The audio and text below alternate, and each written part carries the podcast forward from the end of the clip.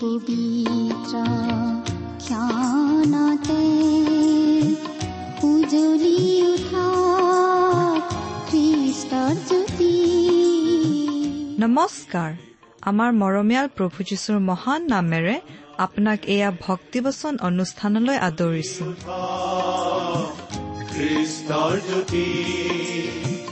আকাশ বতাহ মুখৰিত কৰি গাঁও সবে মিলি প্ৰশংসা গীতি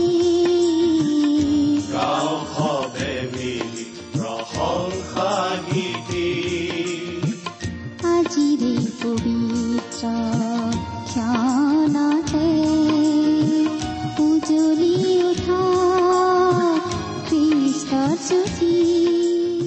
ঈশ্বৰে আপোনাক যি অসীম প্ৰেম কৰিলে তাক যদি অনুভৱ কৰিব বিচাৰে আৰু তেওঁৰ অগম্য বাক্যৰ মৌ মিঠা সোৱাদ ল'ব বিচাৰে তেন্তে আহক আজিৰ ভক্তিবচন অনুষ্ঠানটো মনোযোগেৰে শুনো।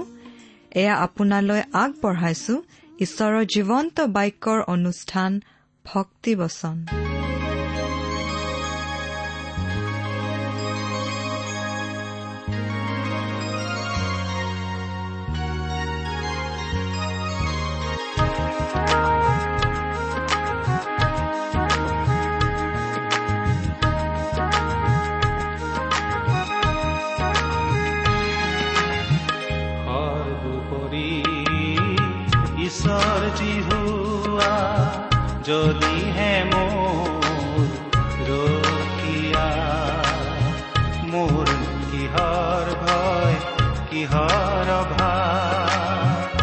harun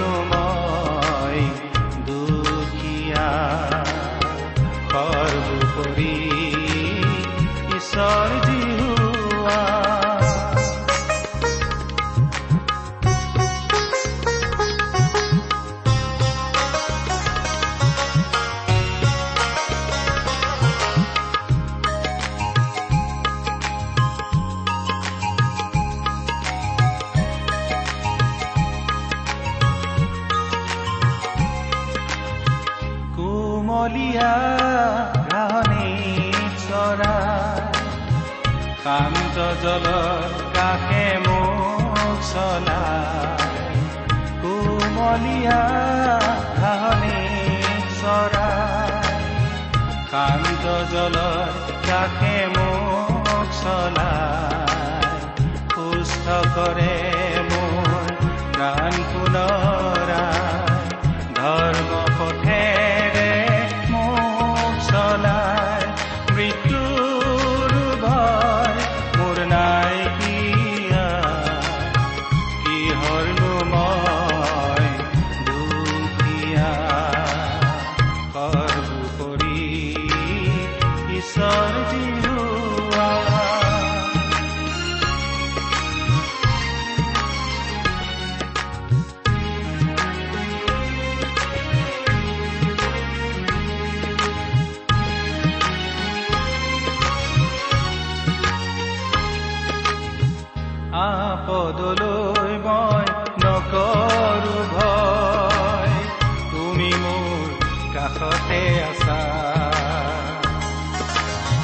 জীৱনৰ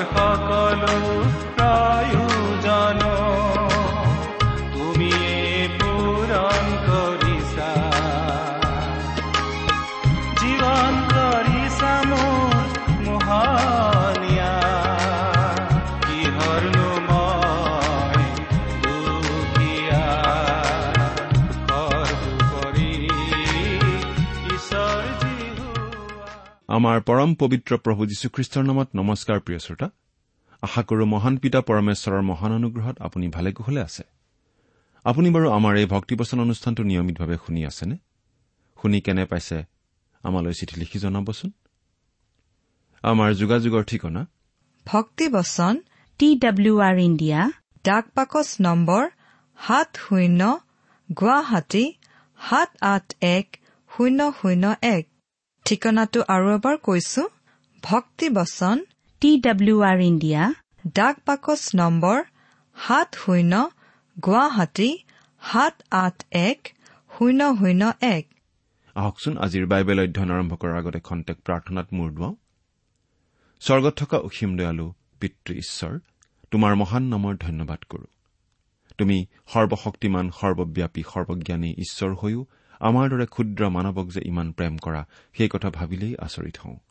তুমি আমাক ইমানেই প্ৰেম কৰিলা যে আমাক পৰিত্ৰাণ দিবলৈ তুমি তোমাৰ একেজাত পুত্ৰ যীশুখ্ৰীষ্টকেই আমালৈ দান কৰিলা। তেওঁ ক্ৰুচত নিজৰ পবিত্ৰ তেজেৰে আমাৰ পাপৰ প্ৰাচিত্ৰ কৰিলে। আজি তেওঁত বিশ্বাস কৰি আমি অনন্ত জীৱন লাভ কৰি তোমাক পিতৃ বুলি মাতিব পৰা হৈছো। তাৰ বাবে তোমাক অশেষ ধন্যবাদ পিতা। এতিয়া আমি তোমাৰ মহান বাক্য বাইবেল শাস্ত্ৰ অধ্যয়ন কৰিবলৈ ওলাইছো প্ৰাৰ্থনা কৰিছো। তোমাৰ বাক্য তুমিয়েই আমাক বুজাই দিয়া।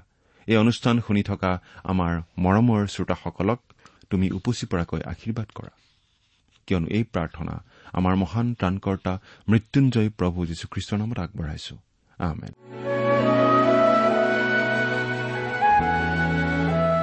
প্ৰিয় শ্ৰোতা আপুনি বাৰু আমাৰ এই ভক্তিবচন অনুষ্ঠানটো নিয়মিতভাৱে শুনি আছেনে? যদিহে শুনি আছে তেনেহলে এই কথা আপুনি নিশ্চয় জানে। যে আমি এতিয়া বাইবেলৰ পুৰণি নিয়ম খণ্ডৰ দানিয়েলৰ পুস্তক নামৰ পুস্তকখন অধ্যয়ন কৰি আছো। যোৱা অনুষ্ঠানত আমি এই দানিয়েল পুস্তকৰ দুই নম্বৰ অধ্যায়ৰ এক নম্বৰ পদটো পঢ়োতে এটা কথা পাইছিলো যে নবুখত নেজৰ ৰজাই সপোনত এটা দৰ্শন পাইছিল। সেই দৰ্শনটো তেওঁ বুজি পোৱা নাছিল আৰু তেওঁৰ মনত উগুল থুগুল লাগি আছিল। তাৰ পাছত তেওঁ কি কৰিলে? সেই কথা আমি এতিয়া চাম। বাইবেলৰ পৰা পঢ়ি দিম। দানিয়েল দুই নম্বৰ অধ্যায়ৰ দুই নম্বৰ পদ। পাছে ৰজাই তেওঁৰ সেই সপোন নিজকে কবৰ নিমিত্তে শাস্ত্ৰজ্ঞ গণক মায়াবী আৰু কলদিয়াবিলাকক মাতিবলৈ আজ্ঞা দিলত তেওঁবিলাক আহি ৰজাৰ আগত থিয় হ'ল। নবুখতনেশ্বৰ ৰজাই তেওঁৰ সকলোবোৰ জ্ঞানী পণ্ডিত মানুহক মতাই আনিলে। দানিয়েল আৰু তেওঁৰ তিনি বন্ধুক যেনেকৈ বিশেষভাৱে প্ৰশিক্ষণ দিয়া হৈছিল এই মানুহবোৰকো তেনেদৰে প্ৰশিক্ষণ দিয়া হৈছিল। তেওঁলোক আছিল ৰজাৰ বিশেষ মন্ত্ৰণাদাতা লোক আৰু তেওঁলোকক ৰজাই মাতি আনিলে বিশেষ আলোচনাৰ বাবে। অৰ্থাৎ ৰজাই তেওঁৰ মন্ত্ৰীসভাৰ বৈঠক আহান কৰিলে। এই জ্ঞানী লোকসকলক আমি সাধাৰণ লোক বুলি ক'ব নোৱাৰো কাৰণ তেওঁলোক আচলতে আছিল অতি মেধাৱী আৰু জ্ঞান থকা লোক। এই কথা সঁচা যে তেওঁলোকে তেওঁলোকৰ ধৰ্ম ব্যৱস্থাৰ অধীনত নানা ধৰণৰ অন্ধবিশ্বাস আৰু ভুল ধাৰণাও নিশ্চয় বিশ্বাস কৰিছিল। কিন্তু তেওঁলোকতকৈ আমিনো কিমান উন্নত? আজিৰ যুগৰ মানুহো আচলতে একেই অৱস্থাত আছে। আমি বহুতো উচ্চ শিক্ষিত মানুহ পি এইচ ডি উপাধিধাৰী মানুহৰ কথা জানো যিসকলে বাইবেলৰ কথা হাঁহি উৰুৱাই দিয়ে। তেনে লোকৰ কথানো আমি কি ক'ম? আচলতে মানুহবোৰক আমি অন্ধবিশ্বাসী বুলিহে ক'ব পাৰোঁ।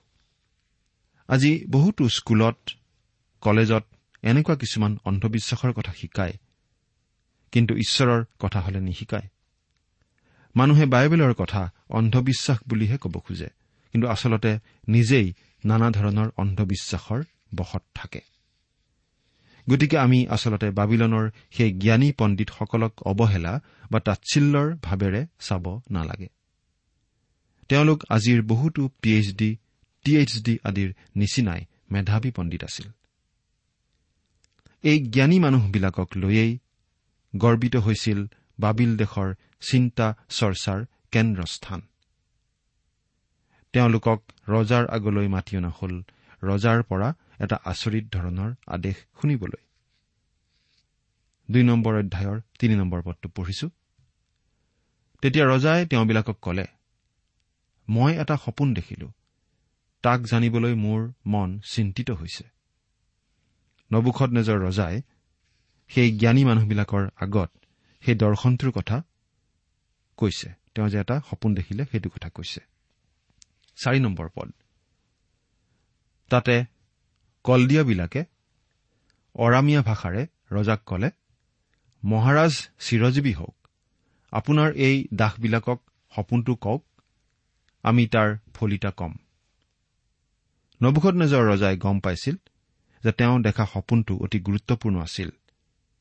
ঈশ্বৰে সেই সপোনটোৰ জৰিয়তে নবুখত নেচৰক কিবা ক'ব খুজিছিল কিন্তু নবুখত নেচৰে বুজি পোৱা নাছিল। কিন্তু কিবা গুৰুত্বপূৰ্ণ কথা তাত আছিল বুলি অনুমান কৰিছিল।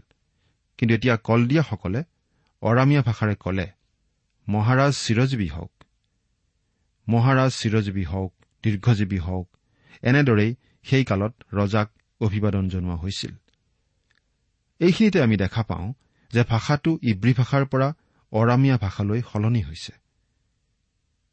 আচলতে এই চাৰি নম্বৰ পদৰ পৰা সাত নম্বৰ অধ্যায়ৰ আঠাইছ নম্বৰ পদলৈকে গোটেইখিনি কথা অৰামীয়া বা ছিৰিয়া দেশৰ ভাষাত লিখা হৈছিল। সেই কালত অৰামীয়া ভাষাই আছিল ৰাজসভাৰ ভাষা তথা কূটনৈতিক বিষয়ৰ ভাষা। এইটোৱেই পৰজাতীয় লোকবিলাকৰ ভাষা আছিল। আজি পৃথিৱীত ইংৰাজী ভাষাৰ যিটো স্থান সেই সময়ত অৰামীয়া ভাষাৰ তেনেকুৱা স্থান আছিল। এই পৰিৱৰ্তনটো মন কৰিবলগীয়া। তিনি নম্বৰ পদলৈকে কথাবোৰ ইব্ৰী ভাষাত লিখা আছিল কিন্তু চাৰি নম্বৰ পদৰ পৰা অৰামীয়া ভাষা আৰম্ভ হৈছে। আচলতে এতিয়া ঈশ্বৰে জগতক কথা কৈছে কেৱল ইছৰাইল জাতিক নহয়। ইছৰাইল এতিয়া বাবিল দেশত বন্দী হৈ আছে। ঈশ্বৰে ৰাজদণ্ড ডায়ুদৰ বংশৰ হাতৰ পৰা নি পৰজাতীয় লোকৰ হাতত দিছিল। তেওঁ সেই ৰাজদণ্ড আকৌ কাঢ়ি নিনিয়ালৈকে তেনেকৈয়ে থাকিব। সেই ৰাজদণ্ড পৰজাতীয় লোকৰ হাততেই থাকিব। যেতিয়া সেইটো ঘটিব তেতিয়া সেই গজালৰ খোজ খোৱা হাতে সেই ৰাজদণ্ডডাল গ্ৰহণ কৰিব পৰজাতীয় লোকৰ হাতৰ পৰা। অৰ্থাৎ সেই ৰাজদণ্ড এদিন ক্ৰুচত আমাৰ হকে প্ৰাণ দিয়া হাতত গজালৰ খোজ খোৱা প্ৰভু যীশুৰ হাতত অৰ্পণ কৰা হ'ব। আৰু এয়েই পিতৃ ঈশ্বৰৰ মনোবাঞ্ছা। ইয়াত যিটো বিষয় উপস্থাপিত হৈছে সেইটো হৈছে এখন বিশ্বব্যাপী সাম্ৰাজ্যৰ কথা। কেৱল এখন সৰু ঠাইৰ বা সৰু ৰাজ্য এখনৰ কথা নহয়। অৰামীয়া ভাষাৰে সেই কলদিয়া লোকসকলে কলে মহাৰাজ আপুনি সপোনটোৰ বিষয়ে আমাক কওক। আপুনিনো সপোনটোত কি কি দেখিছিল সেইটো আমাক কওক তেতিয়া আমি সেই সপোনটোৰ অৰ্থ আপোনাক কৈ দিব পাৰিম। পাঁচ নম্বৰ পদ ৰজাই উত্তৰ দি কলদিয়াবিলাকক কলে মোৰ পৰা এই আজ্ঞা ওলাল যে তোমালোকে যদি সপোন আৰু তাৰ ফলিতা দুয়োকো মোক জনাব নোৱাৰা তেন্তে তোমালোকক দুখৰ দুখৰকৈ কটা যাব আৰু তোমালোকৰ ঘৰবোৰ গোবৰৰ দম যেন কৰা যাব। এই পদটো পঢ়িলে আমাৰ এনেকুৱা লাগে যেন নবুখত নেজৰ ৰজাই সপোনটো কি আছিল পাহৰি গৈছিল। কিন্তু অলপ চিন্তা কৰিলে আমি বুজি পাওঁ যে আচলতে তেওঁ সপোনটো পাহৰি যোৱা নাছিল। সপোনটো তেওঁৰ মনত আছিল আৰু সেইটো খুব গুৰুত্বপূৰ্ণ সপোন বুলি তেওঁ বুজি পাইছিল। কিন্তু সপোনটোনো কি তেওঁনো সপোনত কি দেখিছিল সেইটো তেওঁ কৈ দিয়া নাছিল। তাৰ এটা কাৰণ আছিল। তেওঁ কিয় কৈ দিয়া নাছিল বাৰু? কাৰণ তেওঁ সেই সপোনৰ শুদ্ধ ব্যাখ্যা পাব বিচাৰিছিল। গতিকে যিজন লোকে সপোনটো কি আছিল ক'ব পাৰিব সেইজন লোকেই তাৰ ব্যাখ্যাও দিব পাৰিব বুলি তেওঁ ভাবিছিল। সপোনটো কি সেই কথাটো জনাই দিয়াৰ পাছত তাৰ ব্যাখ্যা দিবলৈ বহুতো মানুহ আগবাঢ়ি আহিব পাৰে। কিন্তু সপোনটোনো কি আছিল? সপোনতনো তেওঁ কি দেখিছিল? সেই কথা ক'ব পাৰিলেহে এই কথাটো প্ৰমাণ হ'ব কোন প্ৰকৃত জ্ঞানী কাৰ ব্যাখ্যা বিশ্বাসযোগ্য গ্ৰহণযোগ্য। ৰজাই কিন্তু সাৱধান কৰি দিছে। কোনোবাই যদি সপোনটো কি আছিল ক'ব নোৱাৰে তেন্তে কঠোৰ শাস্তি ভোগ কৰিব লাগিব। তেনে লোকক দুখৰ দুখৰকৈ কটা যাব। ছয় নম্বৰ পদ। কিন্তু যদি সেই সপোন আৰু তাৰ ফলিতা দুয়োকো মোক কোৱা তেন্তে মোৰ পৰা বঁটা পুৰস্কাৰ আৰু উত্তম মৰ্যাদা পাবা। এই হেতুকে সেই সপোন আৰু তাৰ ফলিতা মোক কোৱা। কিন্তু সেই সপোন আৰু তাৰ ব্যাখ্যা যদি কোনোবাই ক'ব পাৰে তেন্তে ৰজাৰ পৰা লাভ কৰিব প্ৰচুৰ পুৰস্কাৰ আৰু সন্মান। মুঠতে হয় ইপাৰ নহয় সিপাৰ। শাস্তি নাইবা পুৰস্কাৰ। তেতিয়া লোকসকলে আকৌ কলে কি কলে? সাত নম্বৰ পদত চাওঁ। তেওঁলোকে দ্বিতীয়বাৰ উত্তৰ দি কলে মহাৰাজে নিজ দাসবিলাকৰ আগত সপোনটো কওক। তেতিয়া আমি তাৰ ফলিতা কম। তেওঁলোকে নিজৰ বিপদ বুজি পাইছিল। তেওঁলোকে যে সপোনটো কি সেইটো ক'ব নোৱাৰে ভালদৰে জানিছিল। গতিকে ভয়ে ভয়ে আকৌ ৰজাক অনুৰোধ কৰিছিল ৰজাই সপোনটো কওক তেতিয়া তেওঁলোকে ব্যাখ্যা কৰিব পাৰিব। ৰজাই উত্তৰ দি কলে মই নিশ্চয় জানিছো। মোৰ এই আজ্ঞা ওলাল দেখি তোমালোকে সময় নিয়াব খুজিছা। ৰজাই বুজি পালে তেওঁলোকৰ আচল সমস্যাটো কি? তেওঁলোকে সময় বিচাৰিছে কাৰণ তেওঁলোকে সপোনৰ কথা ক'ব নোৱাৰিব।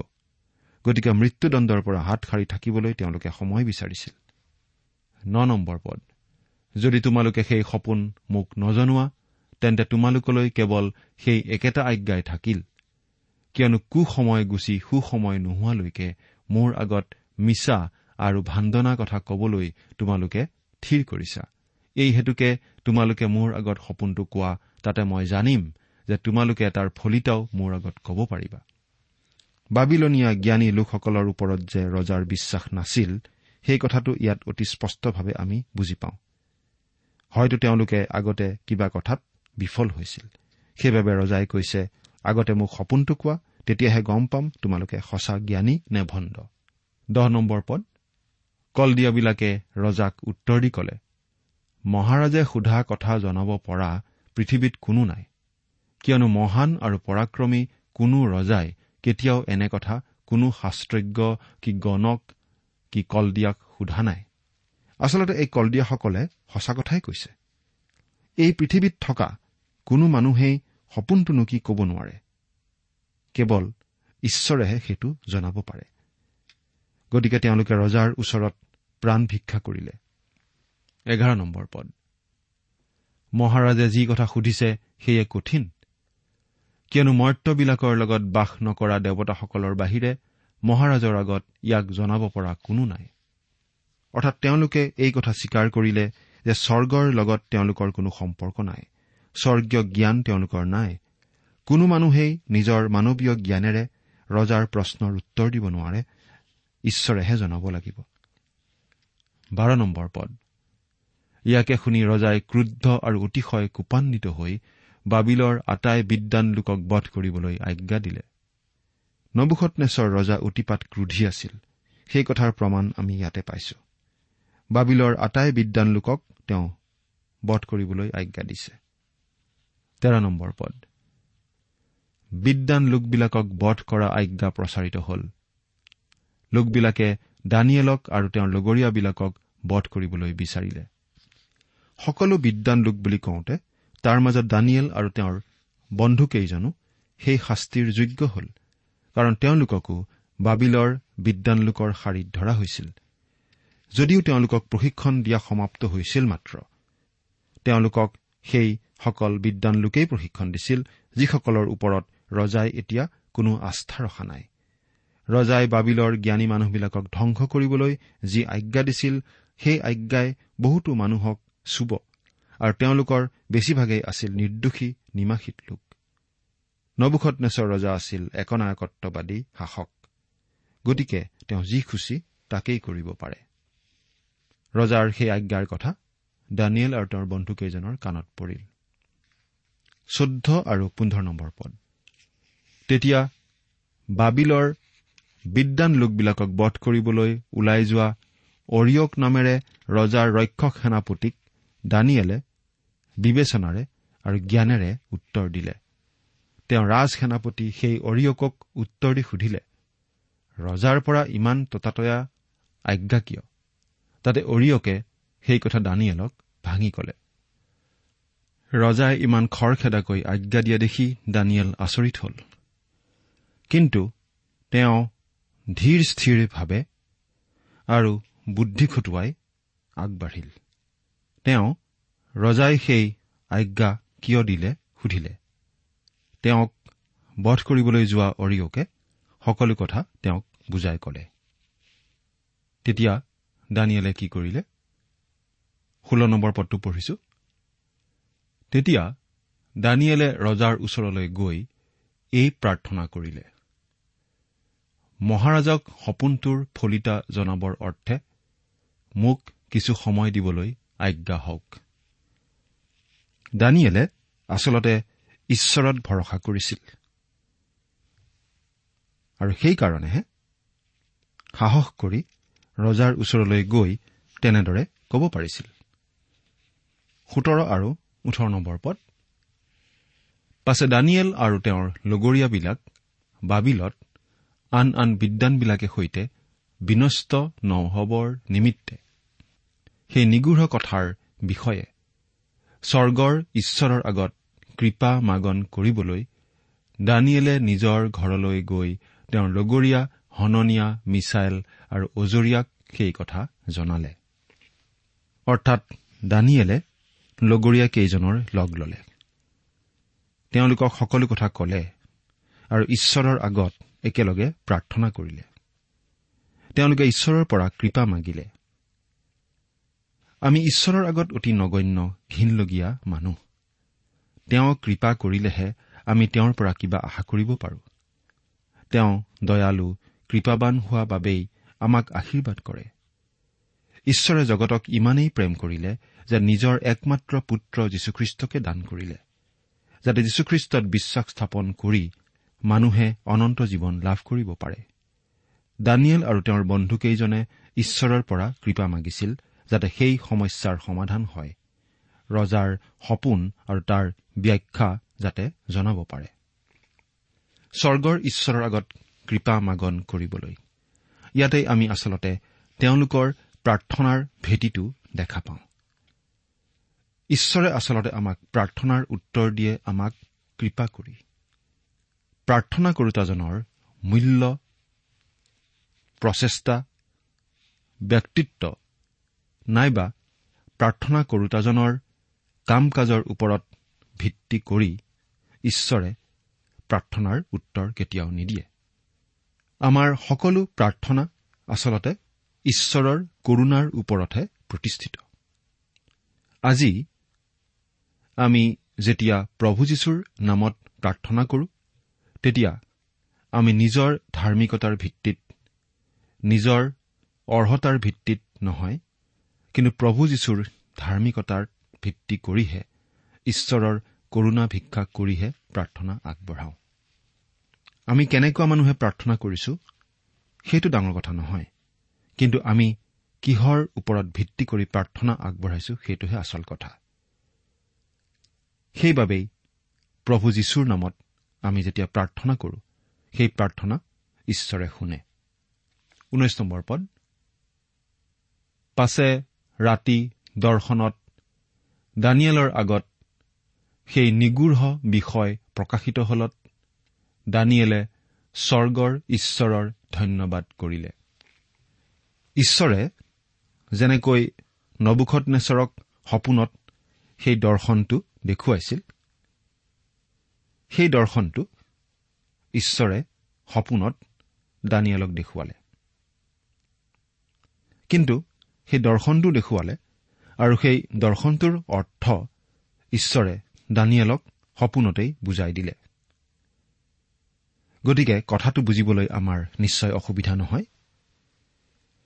ঈশ্বৰে দানিয়েলক নবুখনেশ্বৰ ৰজাই দেখা সেই দৰ্শনৰ ৰহস্য বুজাই দিলে আৰু দানিয়েলে ঈশ্বৰক ধন্যবাদ জনালে।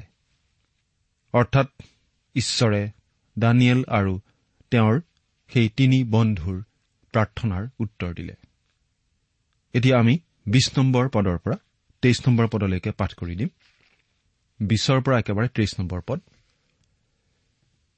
দানিয়েলে মাত লগাই কলে ঈশ্বৰৰ নাম যুগে যুগে চিৰকাললৈকে ধন্য হওক। কিয়নো জ্ঞান আৰু পৰাক্ৰম তেওঁৰেই। তেওঁ সময় আৰু কাল সলনি কৰে। তেওঁ ৰজাবিলাকক ভাঙে আৰু পাতে।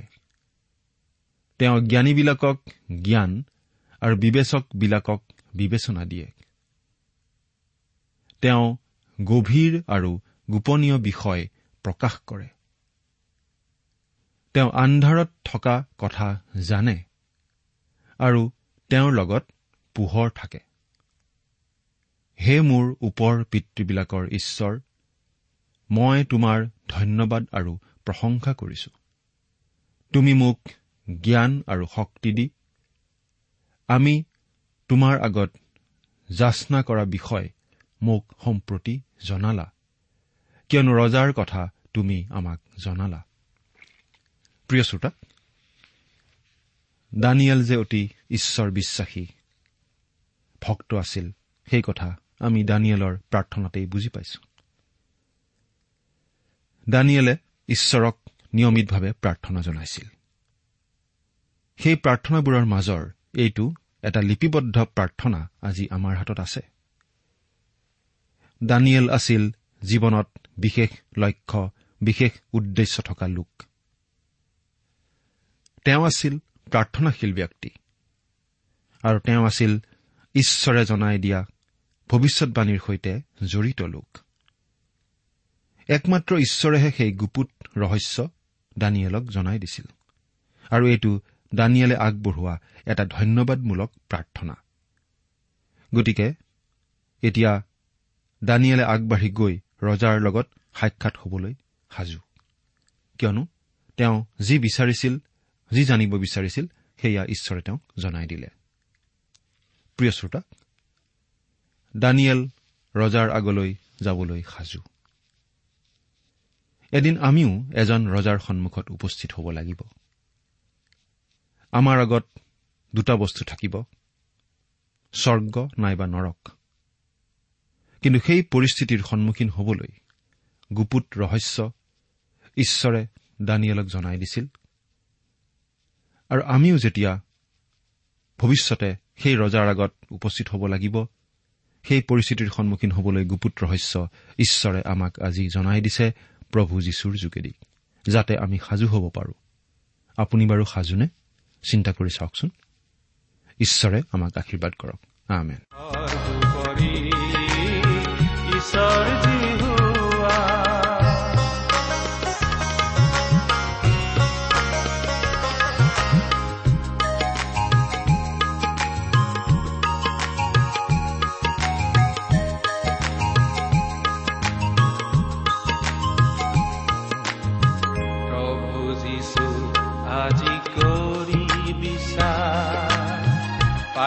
পৰিত্ৰাণৰ আশা প্ৰভু যীশু আজি কৰি ইমান পৰে আপুনি ভক্তিবচন অনুষ্ঠানটি শুনিলে। অনুষ্ঠানটি শুনি কেনে পালে আমালৈ চিঠি লিখি জনাবচোন? অনুষ্ঠানত প্ৰচাৰ কৰা কোনো কথা বুজিব লগা থাকিলেও আমালৈ লিখক। আমাৰ ঠিকনা ভক্তিবচন টি ডাব্লিউ আৰ ইণ্ডিয়া ডাক পাকচ নম্বৰ সাত শূন্য গুৱাহাটী সাত আঠ এক শূন্য শূন্য এক। ঠিকনাটো আৰু এবাৰ কৈছো ভক্তিবচন টি ডাব্লিউ আৰ ইণ্ডিয়া। ডাক পাকচ নম্বৰ সাত শূন্য গুৱাহাটী সাত আঠ এক শূন্য শূন্য এক। আপুনি ইমেইল যোগেৰেও আমাৰ সৈতে যোগাযোগ কৰিব পাৰে। আমাৰ ইমেইল আইডিটো হৈছে Assamese T TV at radio' eight eight two dot com আইডিটো আকৌ এবাৰ কৈছো। Assamese T TV at radio' eight eight two dot com আপুনি টেলিফোনৰ মাধ্যমেৰেও আমাক যোগাযোগ কৰিব পাৰে। আমাৰ টেলিফোন নম্বৰটো হৈছে শূন্য তিনি ছয় এক দুই ছয় শূন্য চাৰি ছয় সাত এক। ফোন নম্বৰটো আকৌ এবাৰ কৈছো zero' three six one two six zero' four six seven one আজিৰ অনুষ্ঠানটি ইমানতে সামৰিছো। ঈশ্বৰৰ শান্তি আৰু অনুগ্ৰহ আপোনাৰ লগত থাকক। ধন্যবাদ।